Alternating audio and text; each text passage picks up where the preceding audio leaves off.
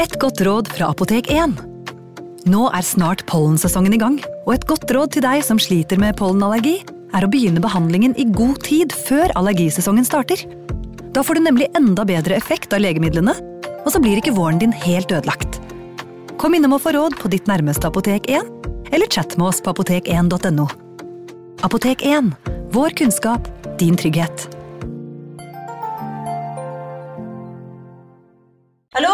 Jeg kommer fra Oslo politikammer. Ine Jansen er purk. Er du purk? The motherfucking bitch. Alt jeg vil, er å finne ut hva som skjedde med mannen min. Jon Carew. Er jeg sikta for noe? Iben Akeli. Det er du. Ole So, Lars Berrum og Big Daddy Karsten. Hvem sin side er du på, egentlig? Anette Hoff, Tone Danielsen, Kommer du fra Afrika? Jørnis Josef, Nesten kløfta. Trond Espen Seim, Det er synd å si det, men det var feil mann som døde. Purk. Premiere tirsdag på TV2 Play. Hei! Takk for at du lytter til True Crime Podden dokumentar. Skulle du ønske at du kunne høre en ny episode av denne podkasten hver eneste uke? Vel, da er det bare å laste ned podkastappen Untold med en gang. I tillegg til ukentlige episoder av podkaster som Skrekkpodden, Synderne og True Crime Podden, får du masse annet reklamefritt og eksklusivt innhold. Last ned Untold i AppStore eller Google Play, og start din 30 dagers prøveperiode i dag. you.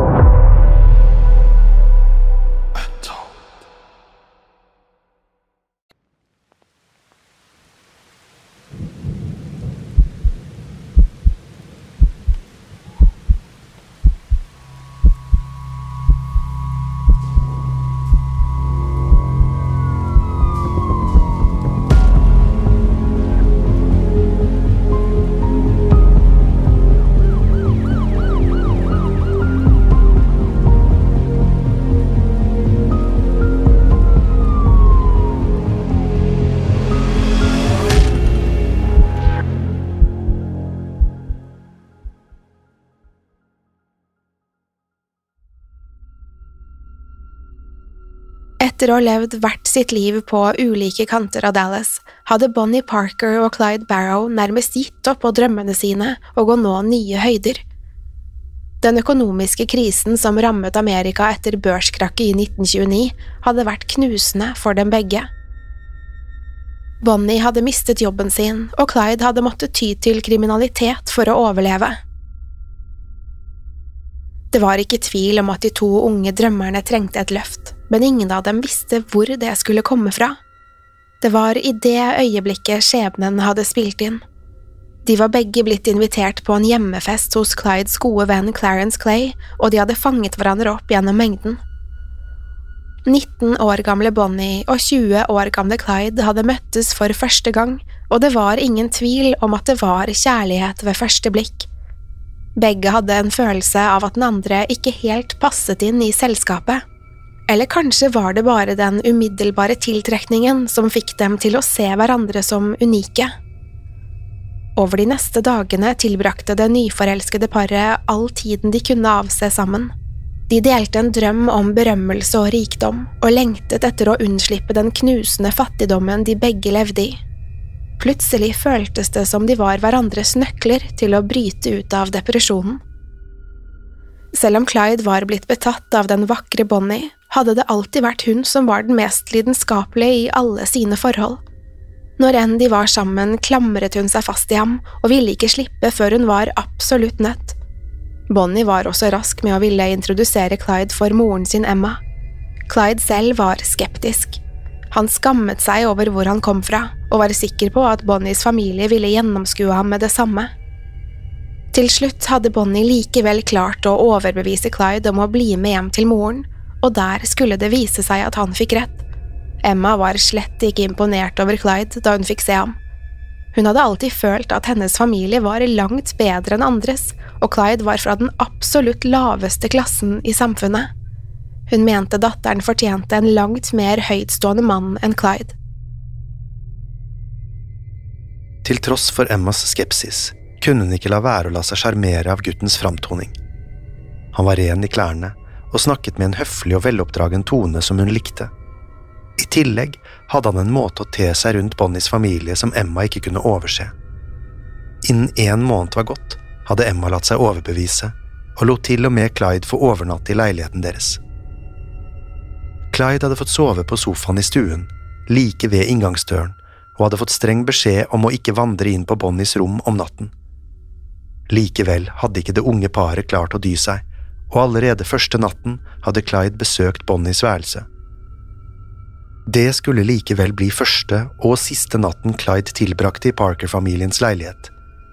Tidlig om morgenen hadde nemlig døren gått opp, og to politibetjenter kom valsende inn.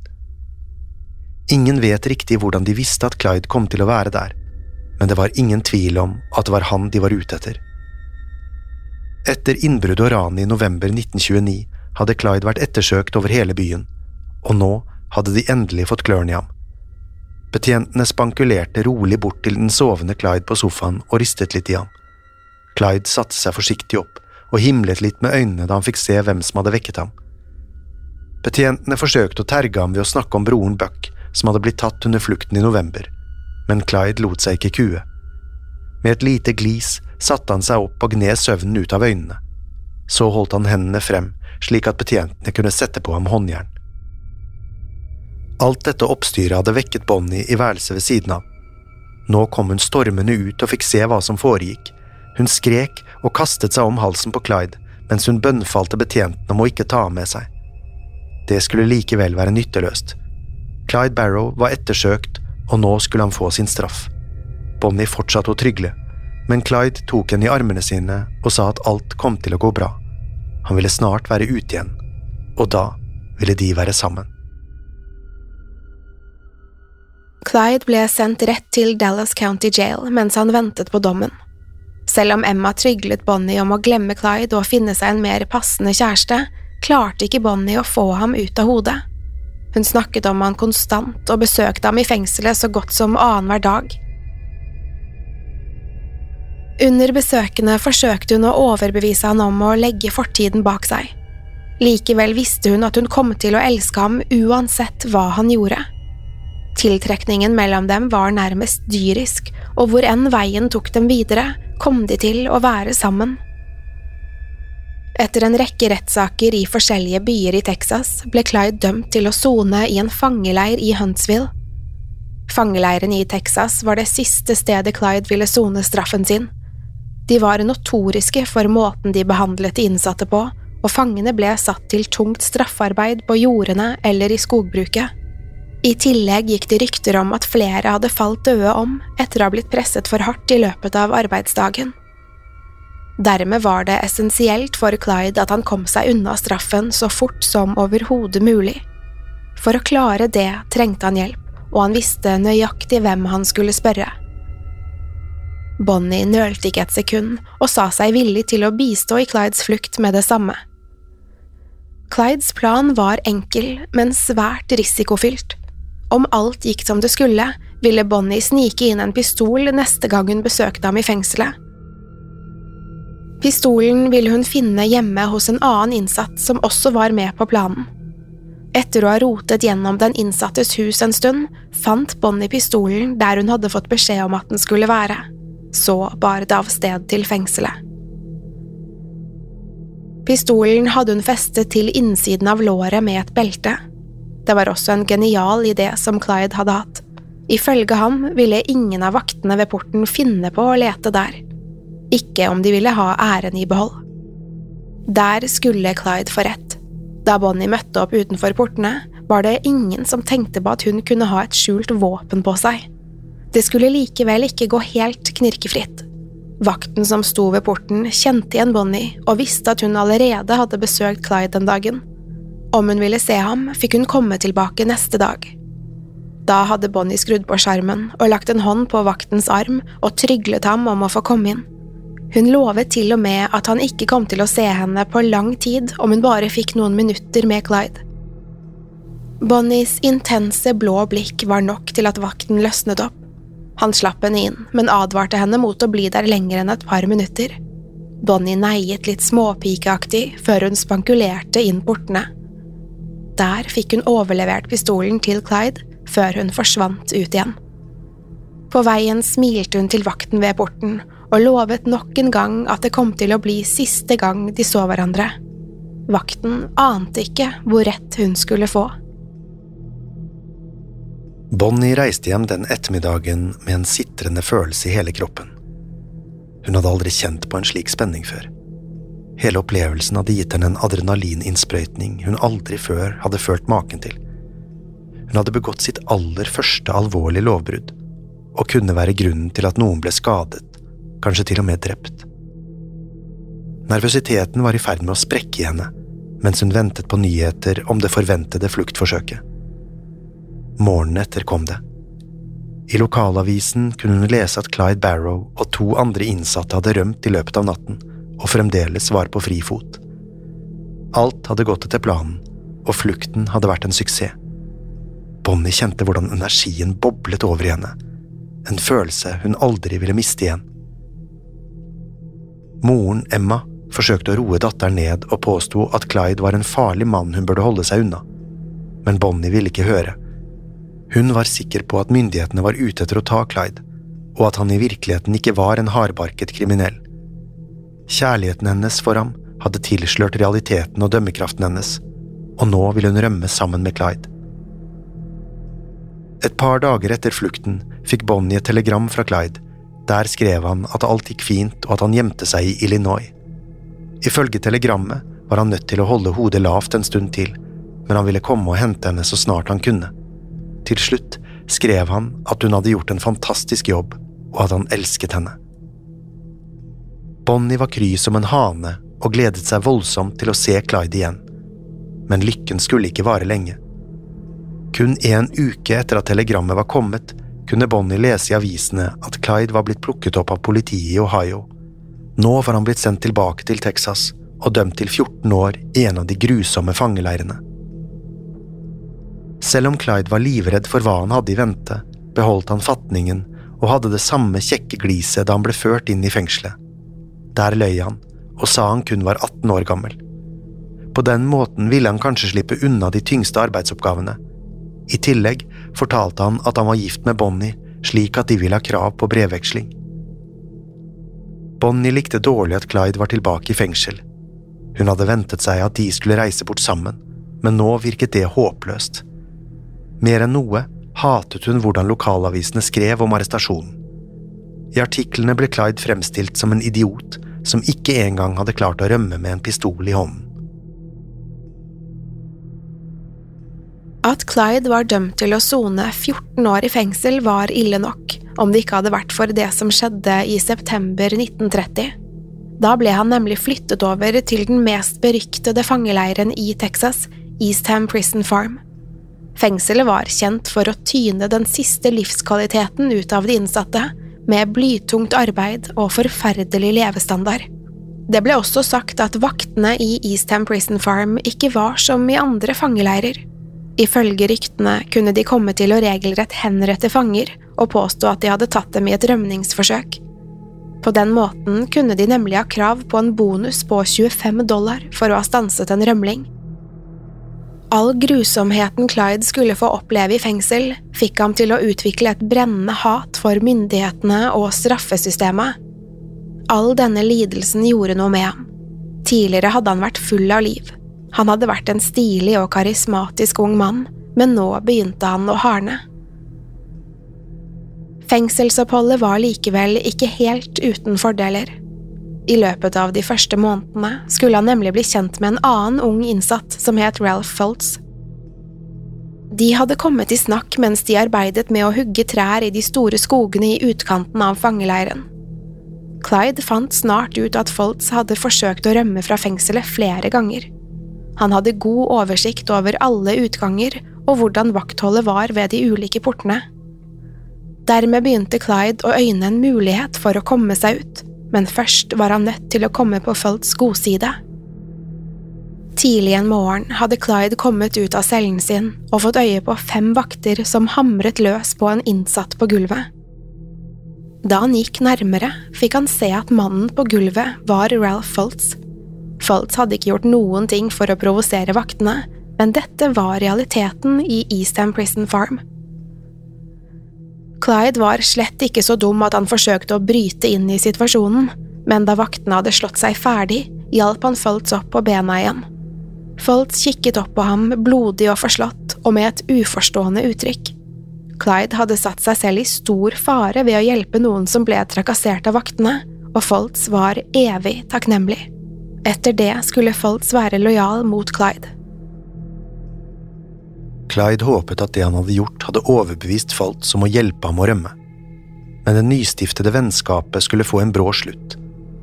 Vaktene, som var fullt klar over at Clyde hadde rømt tidligere, og at Faltz hadde forsøkt å flykte før, gjennomskuet planen deres. De så hvordan det nye vennskapet utviklet seg, og dermed ble det bestemt at de måtte skilles fra hverandre. Faltz ble værende hvor han var, mens Clyde ble sendt til en annen avdeling i fengselet hvor de ikke ville ha noe med hverandre å gjøre.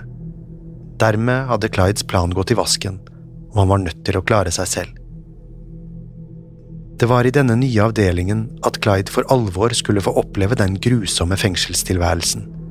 Her skulle han endres for alltid, og gå fra å være en ung, livsglad mann til å bli et hatefullt villdyr.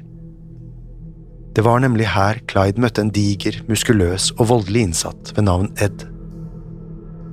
Ed var så stor og fryktinngytende at selv vaktene vegret seg for å gjøre noe som kunne terge ham. Alle de andre innsatte var livredde for hvordan han kunne reagere, og sørget for å holde seg langt unna ham om de kunne. Ed satt allerede inne på livstid, så det var lite som skremte ham fra å opptrå akkurat som han ville innenfor murene. Clyde var liten og spinkel, og hadde ingenting å stille opp med mot en kjempe som Ed. Det visste den digre mannen å utnytte. Så snart Clyde ble overflyttet, begynte Ed å trakassere og plage ham på daglig basis. Det ble også sagt at han forgrep seg på Clyde når han følte for det. Clydes skrik kunne høres over hele avdelingen, men ingen kom for å stanse overgrepene. De andre innsatte hånte Clyde og ga ham stygge kallenavn, sannsynligvis for å slippe å havne på Eds liste over potensielle ofre. Den eneste som så ut til å ha noen som helst medfølelse med Clyde, var en innsatt ved navn Aubrey Scally. Han var også blant Eds ofre, og hatet ham like mye som Clyde gjorde. En morgen hadde Scally satt seg overfor Clyde ved frokosten. Så hadde han lent seg fram og sett ham dypt inn i øynene. Med hviskende stemme hadde han sagt at om noe skulle hende med Ed, ville han ta på seg skylden selv. Scally satt allerede inne på livstid, så om han ble beskyldt for å drepe Ed, ville det ikke gjøre noen forskjell. Clyde så straks muligheten for å unnslippe terroren, og han var nødt til å ta den. Natt til 29. oktober 1931 hadde ikke Clyde sovet et sekund. Han hadde bare ligget på den harde sengen sin og stirret opp i det mørke taket. Hendene hans grep hardt om et lite jernrør som han hadde lurt til seg fra uteområdet i fengselet. Clyde hadde vært sikker på at han ville være mer nervøs, men han lå der helt stille med hvilepuls. Plutselig hadde han reist seg fra sengen og sørget for å lage nok lyd til at Ed ville høre ham i cellen ved siden av. Så gikk han rolig og balansert inn i dusjområdet, med jernrøret gjemt i skjorteermet. Bak seg kunne han høre de rustne fjærene i Eds seng knirke idet kjempen reiste seg for å følge etter ham. Så langt hadde alt gått etter planen. Som forventet hadde Ed tenkt til å forgripe seg på Clyde i dusjen, mens resten av fengselet sov. Så snart Clyde var innenfor døren til dusjområdet, smatt han bak en flislagt stolpe og ventet. Noen sekunder senere gikk døren opp igjen, og Clyde kunne høre Eds tunge skritt idet han trampet inn i rommet. Clyde nølte ikke et sekund. Med begge hendene rundt jernrøret hoppet han frem og slo alt han maktet mot Eds hode. Den digre mannen hadde ikke engang rukket å reagere før han sank sammen på gulvet. Blodet farget de gråhvite flisene røde, og Ed lå i spasmer på det fuktige gulvet. Likevel følte ikke Clyde seg ferdig. Alt det oppbygde sinnet og hatet boblet over, og han fortsatte å slå til det nesten ikke var noe igjen av Eds bakhode. Mens han fremdeles sto lent over Eds ihjelslåtte lik, kom Aubrey Scully inn døren. De to vekslet kun et blikk før Clyde ga fra seg jernrøret og studde seg mot døren. Det siste han så før han forsvant ut, var at Scully dro frem en liten kniv fra lommen og begynte å stikke Eds lik igjen og igjen i ryggen. Clyde Barrow hadde tatt sitt aller første menneskeliv, og det skulle ikke bli det siste. Som planlagt tok Scally på seg skylden for Eds drap. Han ble kraftig banket opp av vaktene og fikk enda en livstidsdom, men det gjorde ham ingenting. Tyrannen var død, og nå var det ingen av de andre innsatte som turte å plage ham lenger. Som en forlengelse av det var det heller ingen som plaget Clyde. Han og Scally var blitt venner og ble respektert av de andre innsatte. Selv om Clyde endelig hadde blitt kvitt overgriperen sin, og han ikke lenger var et offer for konstant sjikane, var det én ting som fremdeles plaget ham. Han hadde sittet fengslet i nærmere ett år, og på den tiden hadde brevene fra Bonnie blitt færre og færre. I begynnelsen hadde de skrevet frem og tilbake så ofte de kunne, men nå hørte han nesten ikke fra henne lenger. Bonnie på sin side hadde begynt å tvile på følelsene sine for Clyde. Jo færre brev hun skrev, desto mer innså hun at hun ble lykkeligere av å ikke tenke på Clyde. Han var dømt til å sone 14 år bak murene, og Bonnie var usikker på om hun hadde psyken til å vente på ham så lenge. Hun tok seg jobb på en kafé hvor hun traff en annen ung mann som het Tom. Tom var ulik Clyde på alle mulige måter. Han var rolig, stille og innesluttet, og havnet aldri i trøbbel. Generelt sett gjorde han veldig lite ut av seg, og var på den måten Clydes rake motsetning. Bonnies mor Emma var svært entusiastisk over datterens nye kjæreste. Ifølge henne var Tom nøyaktig det Bonnie trengte. En stabil, stueren og veloppdragen mann som ville sikre Bonnie en trygg framtid. Likevel kunne ikke Bonnie slutte å tenke på Clyde og eventyret han hadde lovet henne. Visst var livet trygt med Tom, men det var ikke spennende og uforutsigbart. Mens Bonnie forsøkte å tilpasse seg et noenlunde normalt liv, fortsatte Clydes blodslit i fengselet. Hver eneste dag var lik. Han ble vekket grytidlig om morgenen for å arbeide på jordene, helt til det ble kveld når han kunne sove. Snart skulle det bli en prøvelse. Clyde var ofte i ferd med å kollapse av utmattelse etter arbeidsdagene. Til slutt holdt han det ikke ut lenger. I januar 1932, etter nærmere halvannet år bak murene, hadde han fått nok. Han var nødt til å finne på noe for å slippe unna straffarbeidet. Ellers ville han komme til å dø av utmattelse og kjedsomhet. En dag fikk han en idé som ville sørge for at han aldri ville trenge å arbeide en dag til på jordene. Clyde fikk tak i en liten øks fra verkstedet og gjemte den under skjorten. Da kvelden kom, lurte han øksen med seg inn i cellen sin og lukket døren bak seg. Et øyeblikk ble han kun sittende og stirre på den. Han kunne forsøke å bruke øksen som et våpen og ta et gissel. På den måten kunne han kanskje komme seg ut. Clyde funderte på det en stund, før han slo tanken fra seg. Vaktene ville ikke være redde for å skyte om han prøvde seg på noe. Et rømningsforsøk ville være den sikre død. Dermed bestemte han seg for å gå for den originale planen. Clyde satte seg ned på gulvet og tok av seg skoene. Føttene hans var numne og såre etter å ha gått rundt på jordene hele dagen. Føttene hans var numne og såre etter å ha gått rundt på jordene hele dagen. Nå skulle han få en slutt på det. Med ett løftet han øksen over hodet og slo den så hardt han kunne mot den høyre foten. Storetåen hans ble kappet tvers av, og en bit av den andre tåen fulgte også med. Skrikene hans ljomet gjennom avdelingen, og snart var fire vakter på plass utenfor cellen. Blodet rant, og smertene var nesten uutholdelige. Likevel gliste Clyde for seg selv da han ble fraktet til sykestuen. Nå kunne aldri vaktene tvinge ham til å arbeide ute på jorden igjen. De selvpåførte skadene skulle likevel snart vise seg å være overflødige. Kun seks dager senere kom nemlig beskjeden om at han var blitt innvilget prøveløslatelse. Clydes mor, som aldri hadde gitt sønnen helt opp, hadde jobbet hardt for å få ham løslatt. Hun hadde møtt opp på kontoret til guvernøren i Texas flere ganger i uken det siste året, og til slutt hadde han gitt etter. Clyde smilte kjekt da han haltet ut fengselsportene. Alt han ville, var å finne Bonnie og få henne tilbake, Likevel var det en annen tanke han ikke kunne kvitte seg med. Det brennende hatet hans for myndighetene og fengselssystemet kokte fremdeles. Mens han så tilbake på den grusomme fangeleiren, sverget han på at han ville komme tilbake. Den neste gangen han så disse portene, skulle det ikke være som en innsatt, men som en hevner.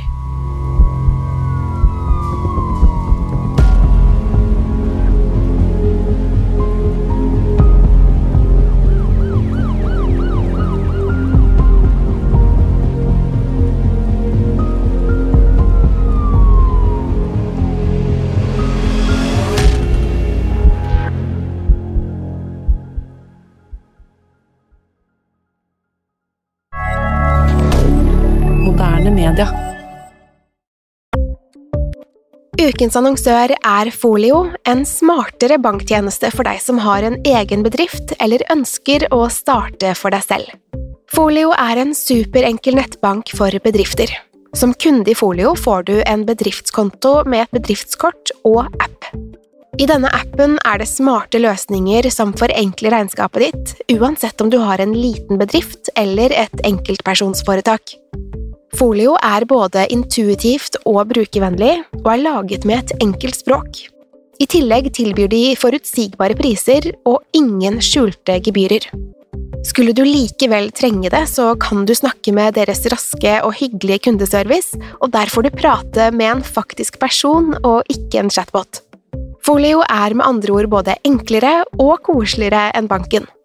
Over 10 000 bedrifter har allerede valgt Folio som sin banktjeneste, så besøk folio.no og se hvordan Folio kan forenkle din hverdag også. Har du et enkeltpersonforetak eller en liten bedrift? Da er du sikkert lei av å høre meg snakke om hvor enkelt det er med kvitteringer og bilag i fiken, så vi eh, gir oss her, vi. Fordi vi liker enkelt. Fiken superenkelt regnskap. Kiwi er billigst i VGs matbørs og har vært billigst i fire av de fem siste VGs matbørser. Og nå presser vi prisene på frukt og grønnsaker. På 200 gram broccolini setter vi prisen til 24,90. På 400 gram Cevita blåbær setter vi prisen til 49,90. Og husk, alle Kiwi Pluss-kunder får i tillegg 15% trumfbonus på all fersk frukt og grønt. For det er vi som er prispresserne. Og vi i Kiwi gir oss aldri på pris.